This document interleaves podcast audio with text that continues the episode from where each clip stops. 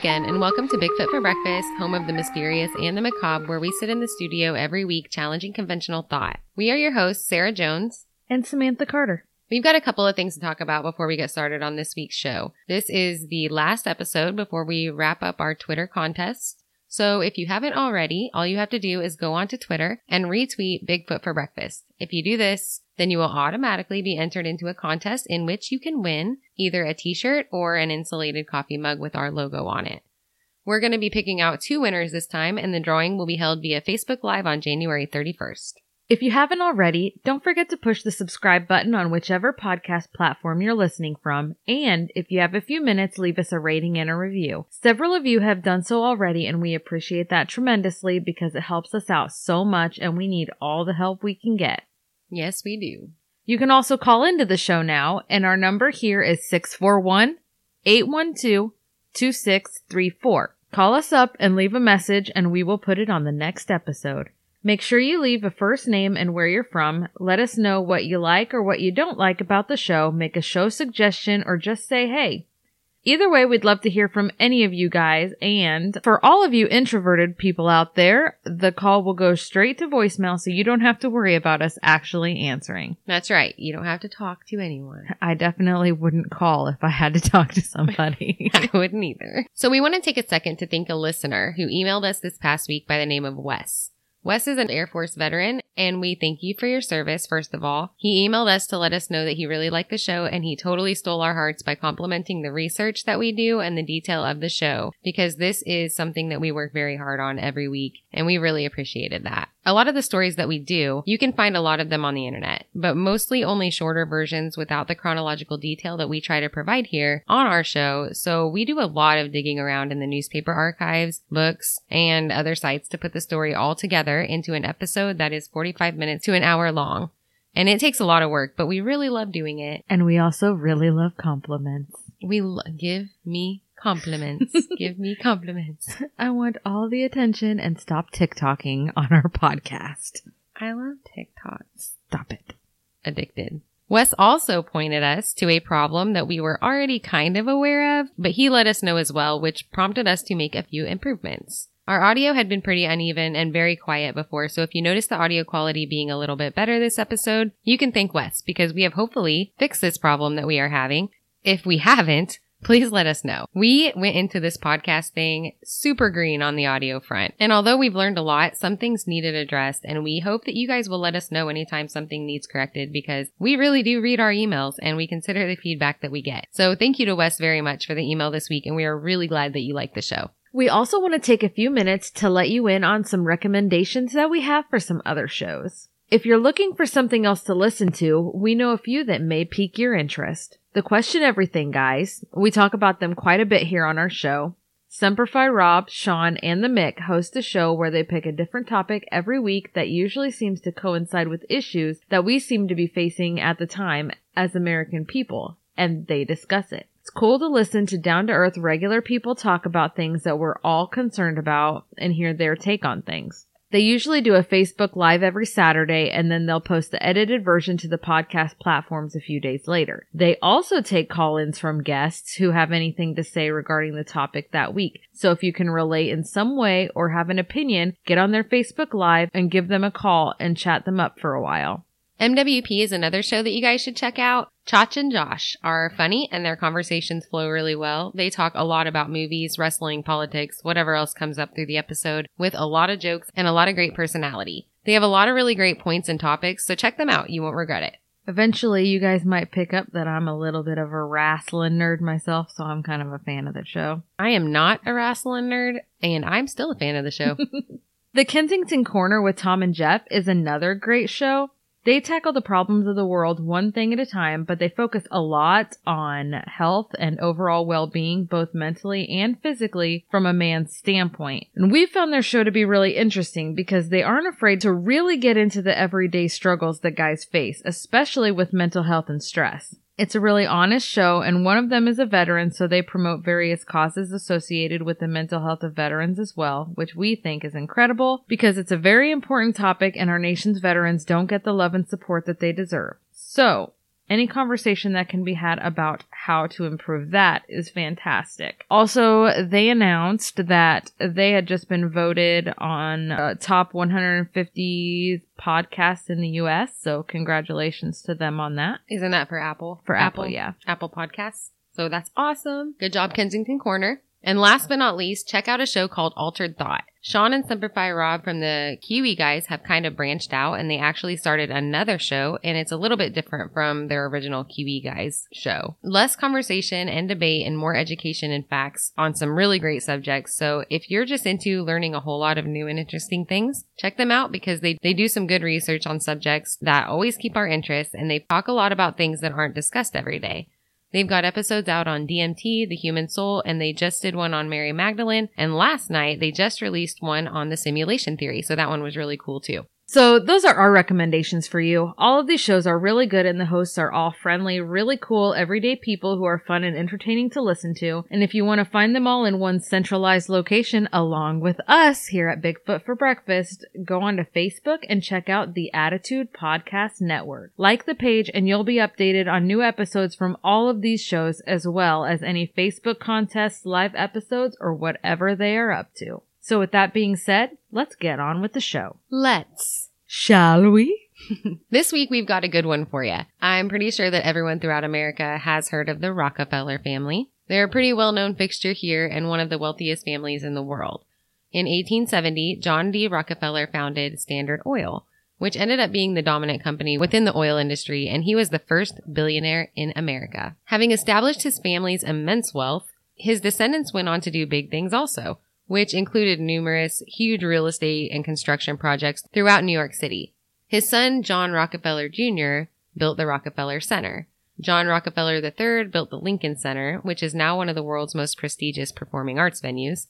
David Rockefeller, along with the Port Authority of New York, built the World Trade Center buildings, and he also founded One Chase Manhattan Plaza when he was the president of Chase Manhattan Bank. The Museum of Modern Art was an idea of Abby Aldrich Rockefeller, and it's now the largest collection of modern art in the world. Their influence in New York, America, and the world can't be denied.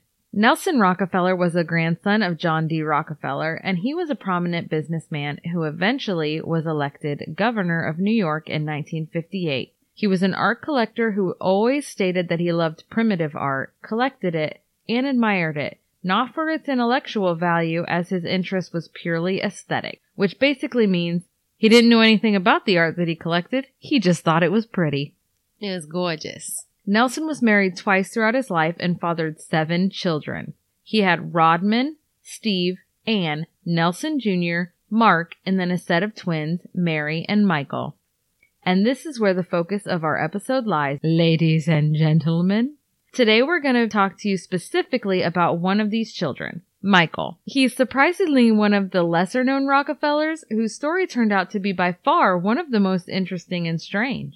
I always thought it was so weird that this wasn't a more popular story. Definitely macabre. I had no idea that this happened before I read it. I mean, I only read this maybe a year ago. They probably don't want that to be part of their legacy. You know what I mean? No, but it's so interesting. I know. But it is terribly sad. Michael Rockefeller seems to have been universally described as a very outgoing, adventurous, and ambitious guy. He attended Harvard University as was family tradition. He graduated magnum cum magnum magnum Magma. Liquid hot magma. magna cum laude in 1961. His parents were the co-founders of the Museum of Modern Art in New York, and Michael had grown up absolutely surrounded by beautiful art and learning about it his entire life. When he was 18, they opened another museum, the Museum of Primitive Art, and I'm pretty sure that Michael, up, like upon its opening, he was already on the board. So I didn't put that in here, but he went into it a board member. Michael and his father shared the love for this particular art together, and they admired things that came from entirely new worlds that Americans knew very little about, aside from what was read in a magazine here and there, and now what was housed in the museum. Michael's love and curiosity for this way of life grew and grew, and he longed to be a part of this in a more direct way.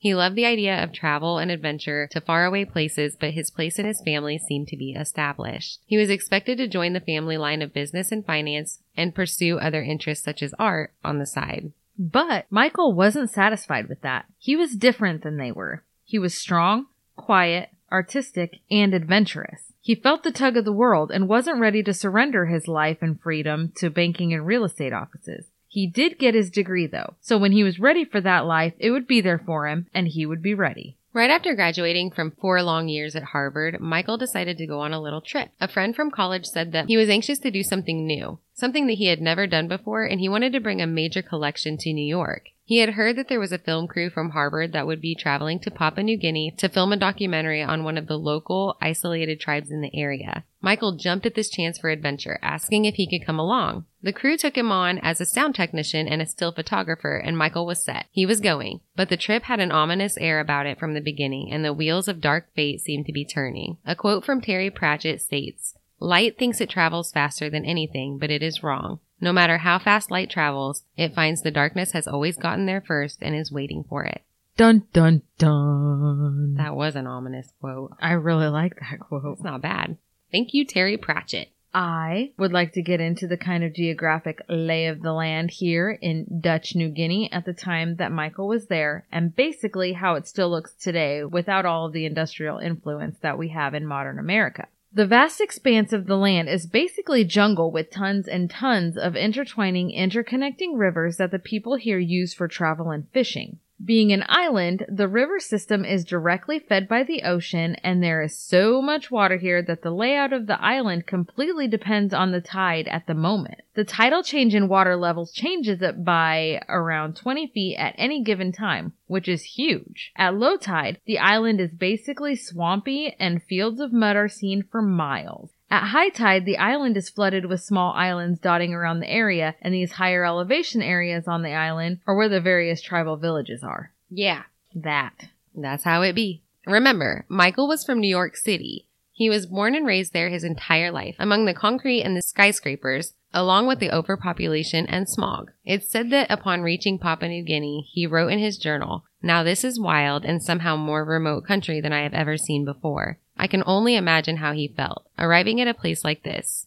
I imagine Michael being enamored with the absolutely beautiful purity of the place. The clean air and the sounds of birds and flowing water everywhere were probably overwhelming to him as his sense of adventure and excitement for this entirely new experience grew and grew inside of him. As I talk about it, I feel a major kinship with Michael because we both share this love for adventure, new places and new people, and I can almost feel what he was feeling at the time, which makes his story even more tragic to me. There are various photos of Michael and his time on the island in which he looks to be having the time of his life. He's interacting with the locals and children here, exchanging gifts and smiles. He's laughing. He looks happy, excited, and interested. He looks like he fit right in with them and they took and they look to be friendly people. But like we said earlier, Michael's interest was art mostly. His goal was to bring home a collection of tribal art from the area to be displayed in the museum in New York, and he had found out about another village on the southwest side of the island, a village that housed a tribe called the Asmat. The art from these people was absolutely perfect. It was beautiful and intricate in its detail and had great meaning to its people. Michael found himself drawn to this, and as the documentary filming came to a close, he resolved to go there and visit the people of the Asmat village and see for himself. Michael traveled to a village called Amadasep. Now keep in mind that this culture had been carefully preserved in the rarely traveled area of Papua New Guinea and the Asmat tribe was very isolated. The area at the time was actually Dutch New Guinea and the Dutch government had been in and out a little bit seeing what they might need to do in the area to pacify the people since the villages in the area were constantly at war with one another.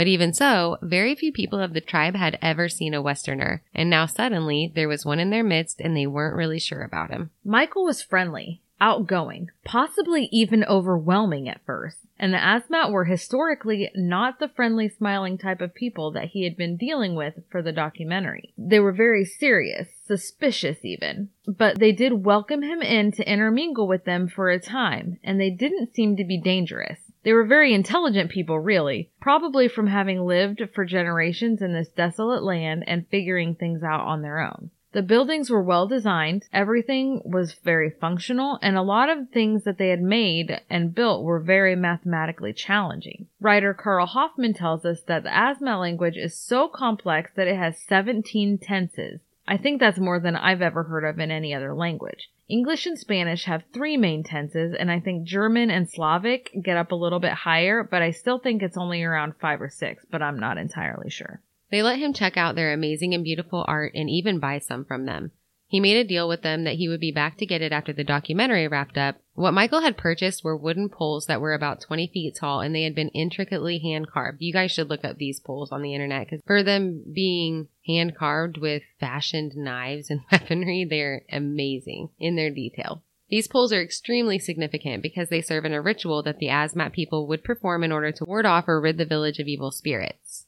So we need to get off the subject of Michael for just a minute and talk about the Asmat people and how they view death and spirituality. We got a lot of this information about them from a book entitled Savage Harvest by Carl Hoffman. And we'll be telling Carl's story as well here on the show because as far as we're concerned, Carl Hoffman is one of the most instrumental people when it comes to figuring out what actually happened to Michael. The Asmats believe that death is never ever caused naturally. There's always a reason for it and it's always at the will of the gods. Carl Hoffman wrote that there are two realms the land of reality, which is where we are now, and then there is Safan, which is the land beyond the sea. Often a spirit would go to Safan or they would be too scared to make the journey alone. So they would often return to the village and cause a ton of trouble for the people there. The Asmat people would build these poles, like the ones purchased by Michael, and perform rituals to keep the spirits away and force them to make the journey to Safan where they are meant to be. So, to recap, they build these sticks and then they beat the people off the island into the ocean. Nope, Yep. that's not how it goes. Back down, stay down. comply. Gah. The ceremony would take seven months, and usually in this time, after the pole is set, they would raid another village and take a few heads from the villagers to place onto the poles. It's worse than I thought. No, it gets worse. But, you know, I don't know. I always try to withhold judgment because remember that these people, they've been isolated for, I mean, the whole time they've been in existence. So they've completely made up their own rules without any Western influence whatsoever. So this is just an entirely grown culture alone. So the things that they do might seem odd, like beheading others and putting them on poles. We're all raised on the puritanically oppressive standards of Western culture. They had none of that. No. So they did things a bit different down there than we do over here. So anyway, they would also infuse blood from the villagers into the poles, and as these things rotted, the remains would go into the ground and feed the sago plants. Sago is just a plant that's native to the area. We'll mention that a few times. It was a staple in the village there. This would make the spirit happy and they would return to Safan and life in the village would again be in balance. Balance is incredibly important to the Asmat people and it's actually very important to the story. We must restore balance to the empire.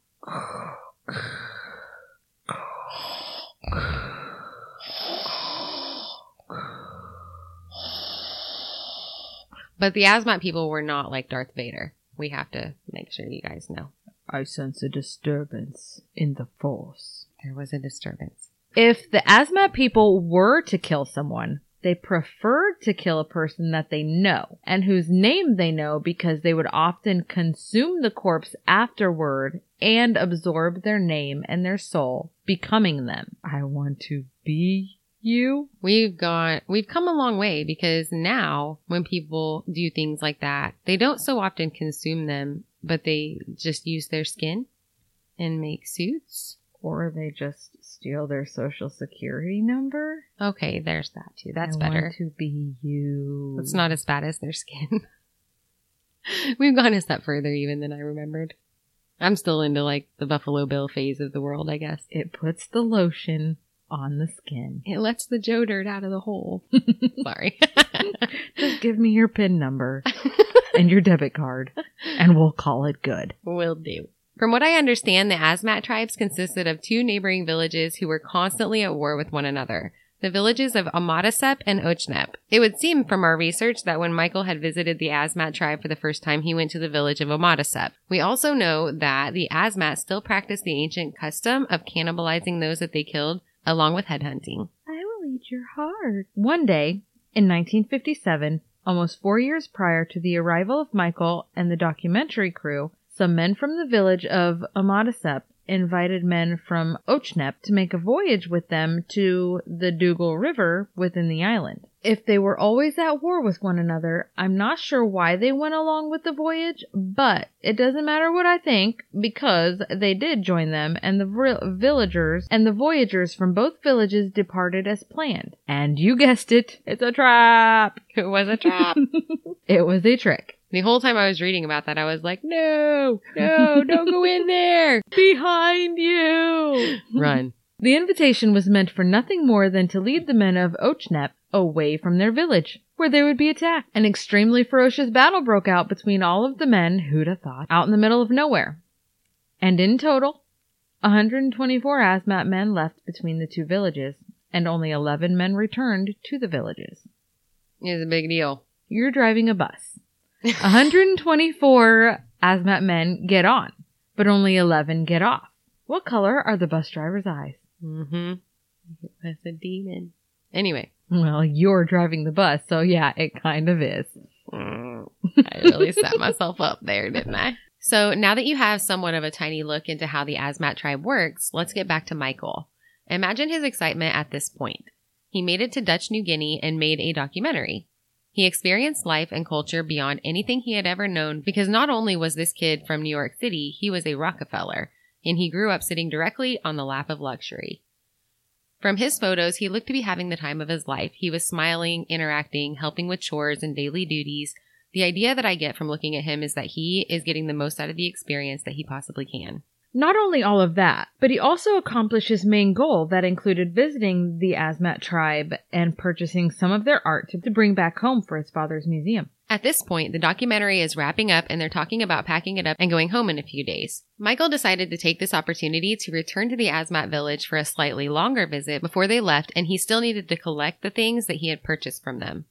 At some point during his presence in Dutch New Guinea, he had met an officer who had a homemade vessel that was basically designed to easily navigate the rivers of the area. The officer's name was Wim van de Waal, and Michael talked him into selling him the boat. Dutch New Guinea officials weren't really all that happy about Michael running around from village to village among unfamiliar tribes who had been known to be very dangerous in the past. Although they were working on releasing the territory and putting it under the control of another country and had been saying that the Asmat people were a very progressive up and coming culture and that they no longer practice headhunting and cannibalism, even though we know that to be untrue. Nonetheless, they didn't really like him running around by himself, so they assigned him a guide named Rene Wassing. So Michael, Renee, and two other local men took off in Michael's new boat bound for the village of Omadasep. When they were approximately 12 miles off the shore of the village, the waves and current became too much for the vessel and they flipped it over in shark infested water. It sounds like from here, Michael and Renee climbed up on top of the boat while the other two local men went for help.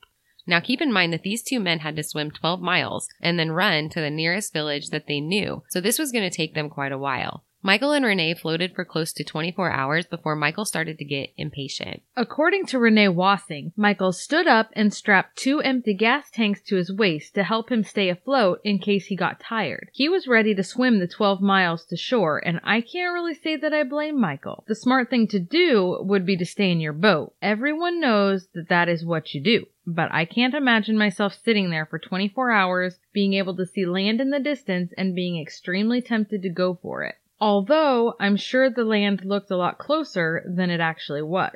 Objects in the mirror appear closer than they are. They talked about it a bit, and Rene decided that he would, in fact, remain in the boat. He was a lot older than Michael, and he didn't really think that he would make it to shore swimming it out. It's reported that Michael, ready with the gas can strapped to his waist, bid Rene a final farewell. He was staring at the land in the distance, and just before he jumped in the water, he said, I think I can make it. And those were the last words anyone ever heard uttered from the mouth of Michael Rockefeller. Rene lost sight of him after a while and was never sure if he made it to shore or not, but he was never found or seen again. I think it was reported that Renee Wassing remained floating for another 24 hours before the two men returned with help from the village and he was rescued. He had told them what happened with Michael, and when he wasn't found at any of the nearby villages, the people returned to alert the Dutch government that an American tourist had gone missing. Immediately, the Dutch alerted the United States, and the Rockefellers were hit with this terrible news. Now, wait, I say immediately, but actually, I found out later on that it actually took three days for the news to reach Nelson Rockefeller.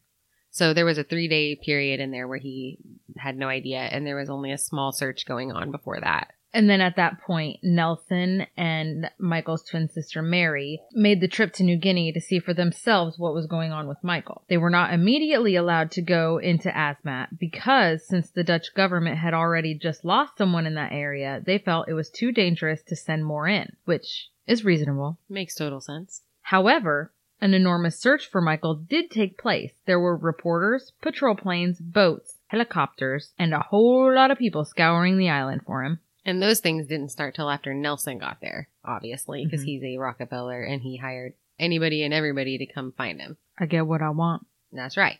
Which, you know, is his kid and stuff, so I don't blame him one bit. But there was really just a small sweep of the area before Nelson got there. Finally, the man who sold Michael the boat.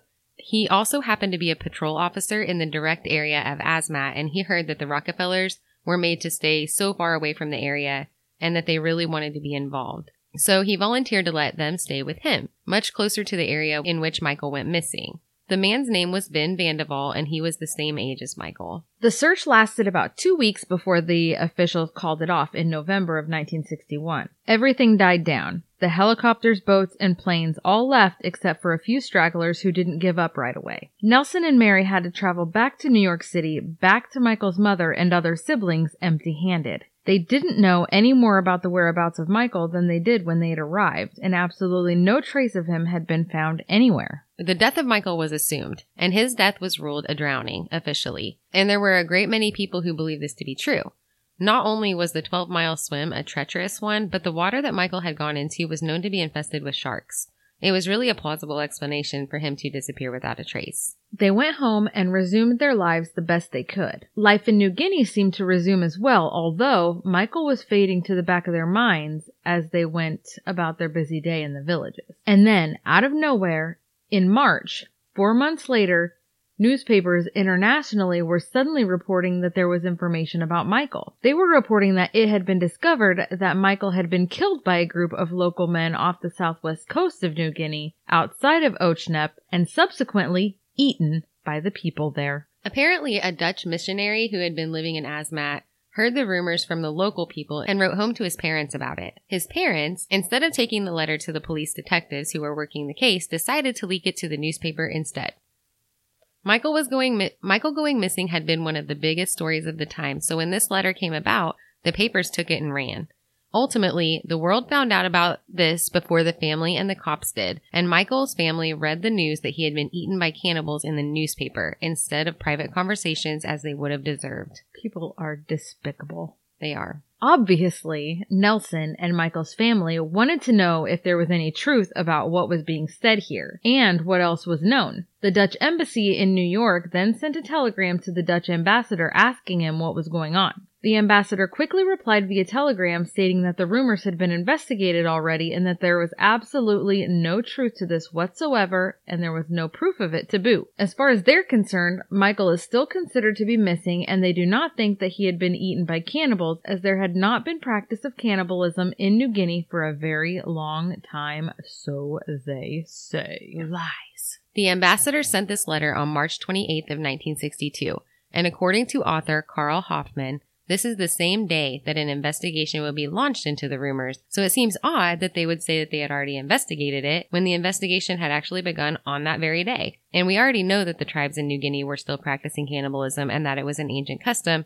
and a huge part of their very important rituals. So apparently, there's a lot more to the story than what meets the eye, and Carl Hoffman, who had been investigating Michael's disappearance for his book, Savage Harvest, was determined to get to the bottom of it. Through his investigation, he figured out that there were actually two priests living in Asmat and acting as missionaries there, and they had lived there for about six years. They spoke the local language and were comfortable among the people, dressing like them, participating completely in everyday goings on, dressing up, and helping with the rituals. So after all this time there and being completely immersed in the culture, they probably started making some friends and seem to have been pretty much absorbed into the tribe. After a few years of being there, they had begun to hear rumors and small bits of a story regarding an American tourist who had been killed in the village. Over time, they would hear more and more of the story, and after they had the complete tale, they each wrote back to the Catholic Church a very detailed report on what they had heard. Carl states that they even reported specific names of the men involved in the killing and could tell them who had which bone,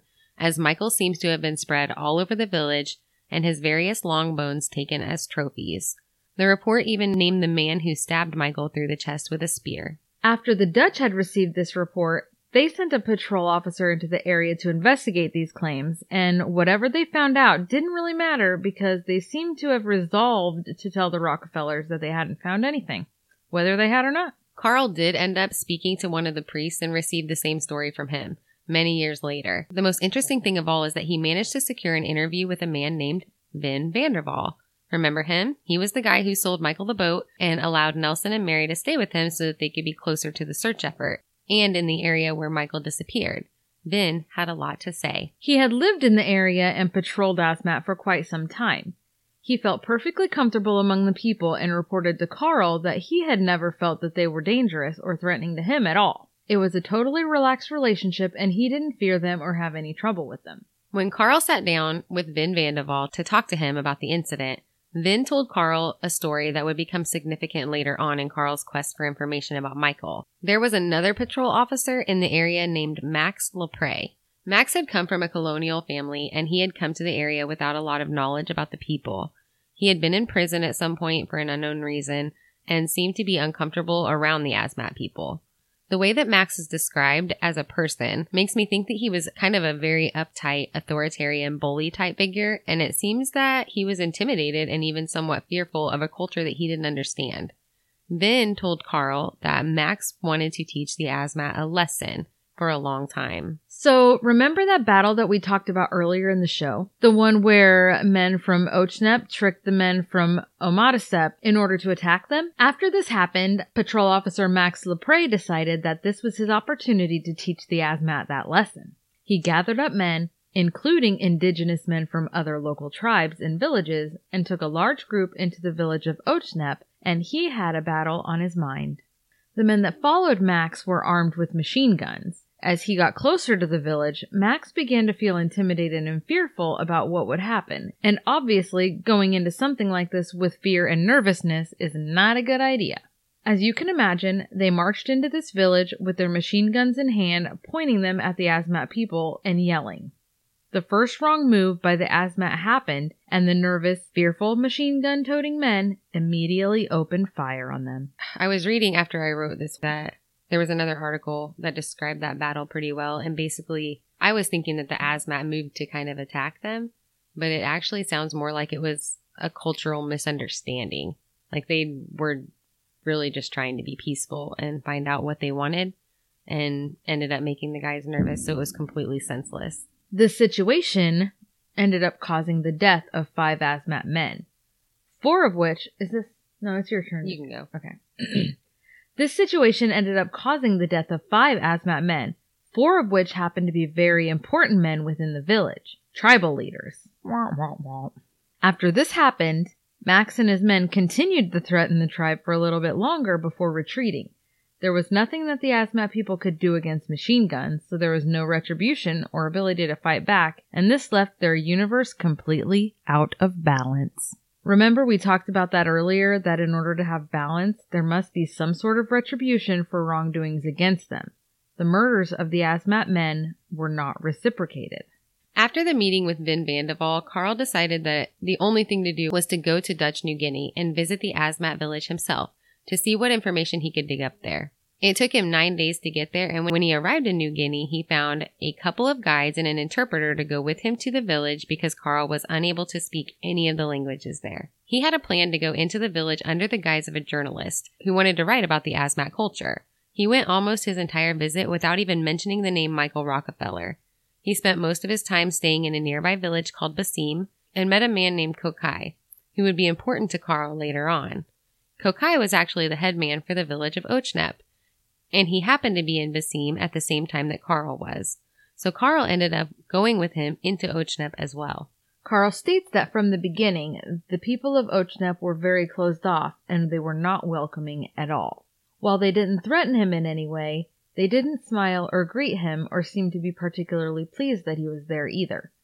They did gather with him and tell stories, but every time they would get into too much detail regarding their culture or any stories that they had to tell, they would clam up and not really say anything. After a while, they seemed to stop talking to him and even his indigenous translator completely, and no one from the village had mentioned Michael.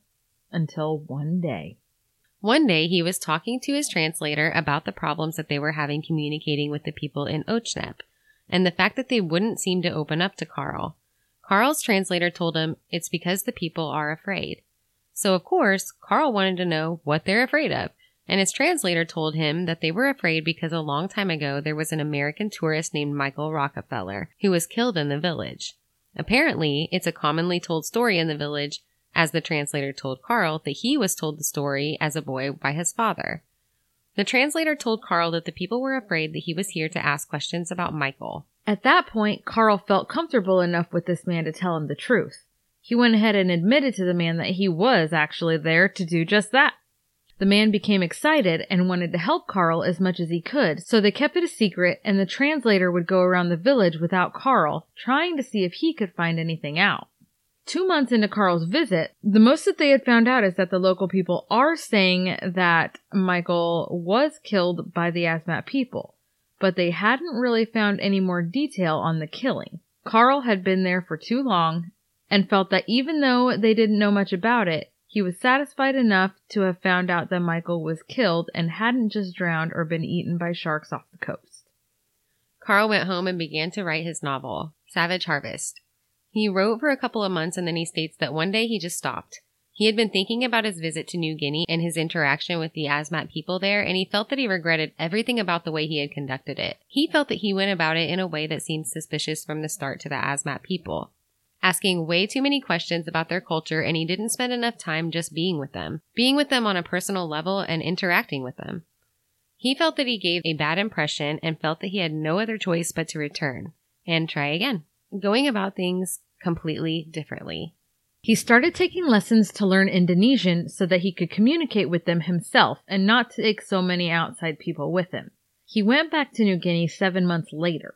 He states that he was received so differently this time.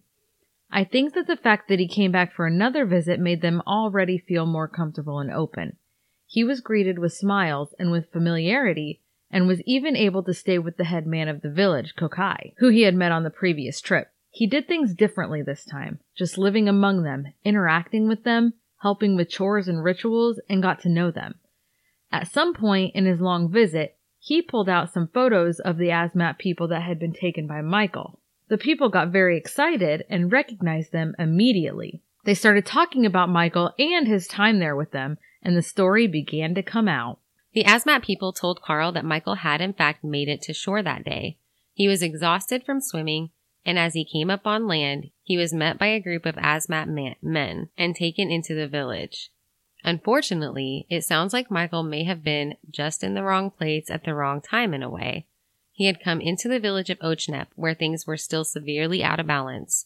These men were still looking for retribution for the men who had been killed by Max Lepre a few years before Michael had even arrived. The Asmat men who were killed had been leaders, so other members of the tribe had respectfully consumed their bodies, taking in their souls and their positions as leaders within the village. These particular men who had taken the places of the slain men were called into action and Michael was seen as a chance to restore balance within their universe.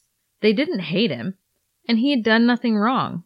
To them, it was just an obligatory action that had to be performed and just a way of life. Sadly, Michael was held by the men while one of them took a spear and drove it through Michael's chest, and another hit him in the back of the head with an axe, ending his life. The four Asmat men had been killed by white men, and now they had achieved their retribution and balance by killing a white man. Over the course of the next few days, Michael was cooked and consumed by these men in a ritual. A pole was made for him and he was and placed in the sago fields infused with his blood.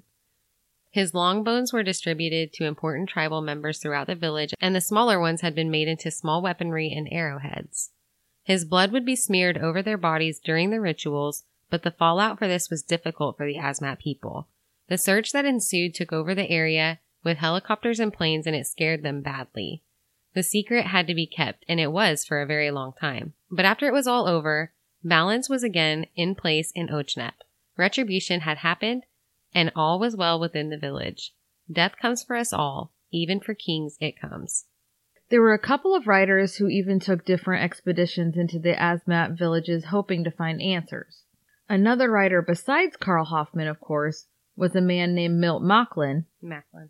Milt Machlin, and his trip resulted in a documentary that I kept reading about in my research but could never actually find it anywhere to watch it. I think it had been on Netflix for a time, but isn't now. His story was told though on an old episode of In Search of, so I at least got the general idea of what Machlin came to discover. Machlin was initially approached by a man who wouldn't even tell him his real name, but only addressed himself as Donahue. He told Machlin that he had seen and spoken to Michael a few months back on an island called Kanapu, and that he was very much alive. This was enough to send Machlin heading over to New Guinea to see for himself what was going on. You make it sound like a short drive. Heading on over to New Guinea. Heading on over, hop in the hybrid, and What by is it hybrid I mean duck boat. Yeah, those things are awesome.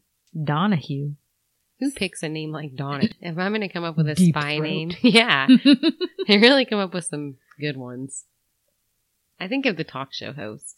right. Remember when we were kids, Donahue? hmm Anyway, Donahue said that Michael had been found by an indigenous war party and taken with them over a thousand miles by canoe to the Trobriand Islands. Machlin found Kanapu Island by hiring a boat when he got there and sailing to the tiny place in the middle of the vast ocean.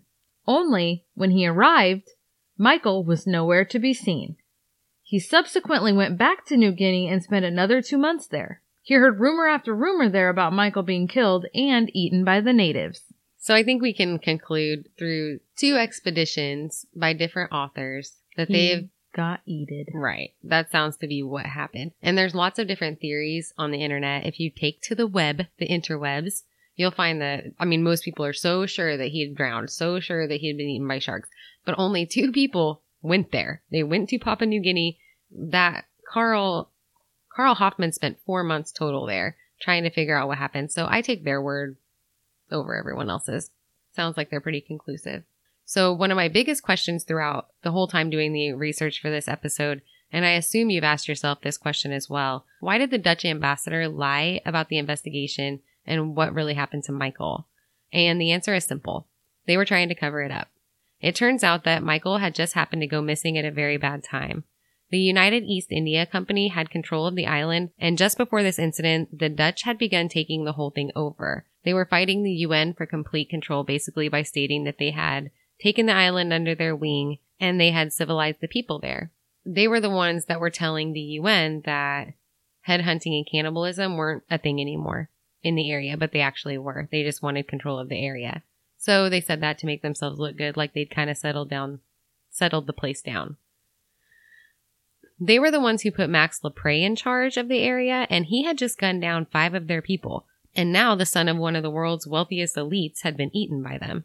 So, not only did the Dutch not want to lose control of the area, they were also ashamed of what had come to happen under their watch. So that's the story of Michael Rockefeller as we know it. My take from the descriptions and photos of Michael are that he was truly adventurous, kind, and an interesting person with a lot to offer the world. And it's tragic that his life was taken so horribly, especially when he was only there because he was so interested in the culture of these extremely interesting people.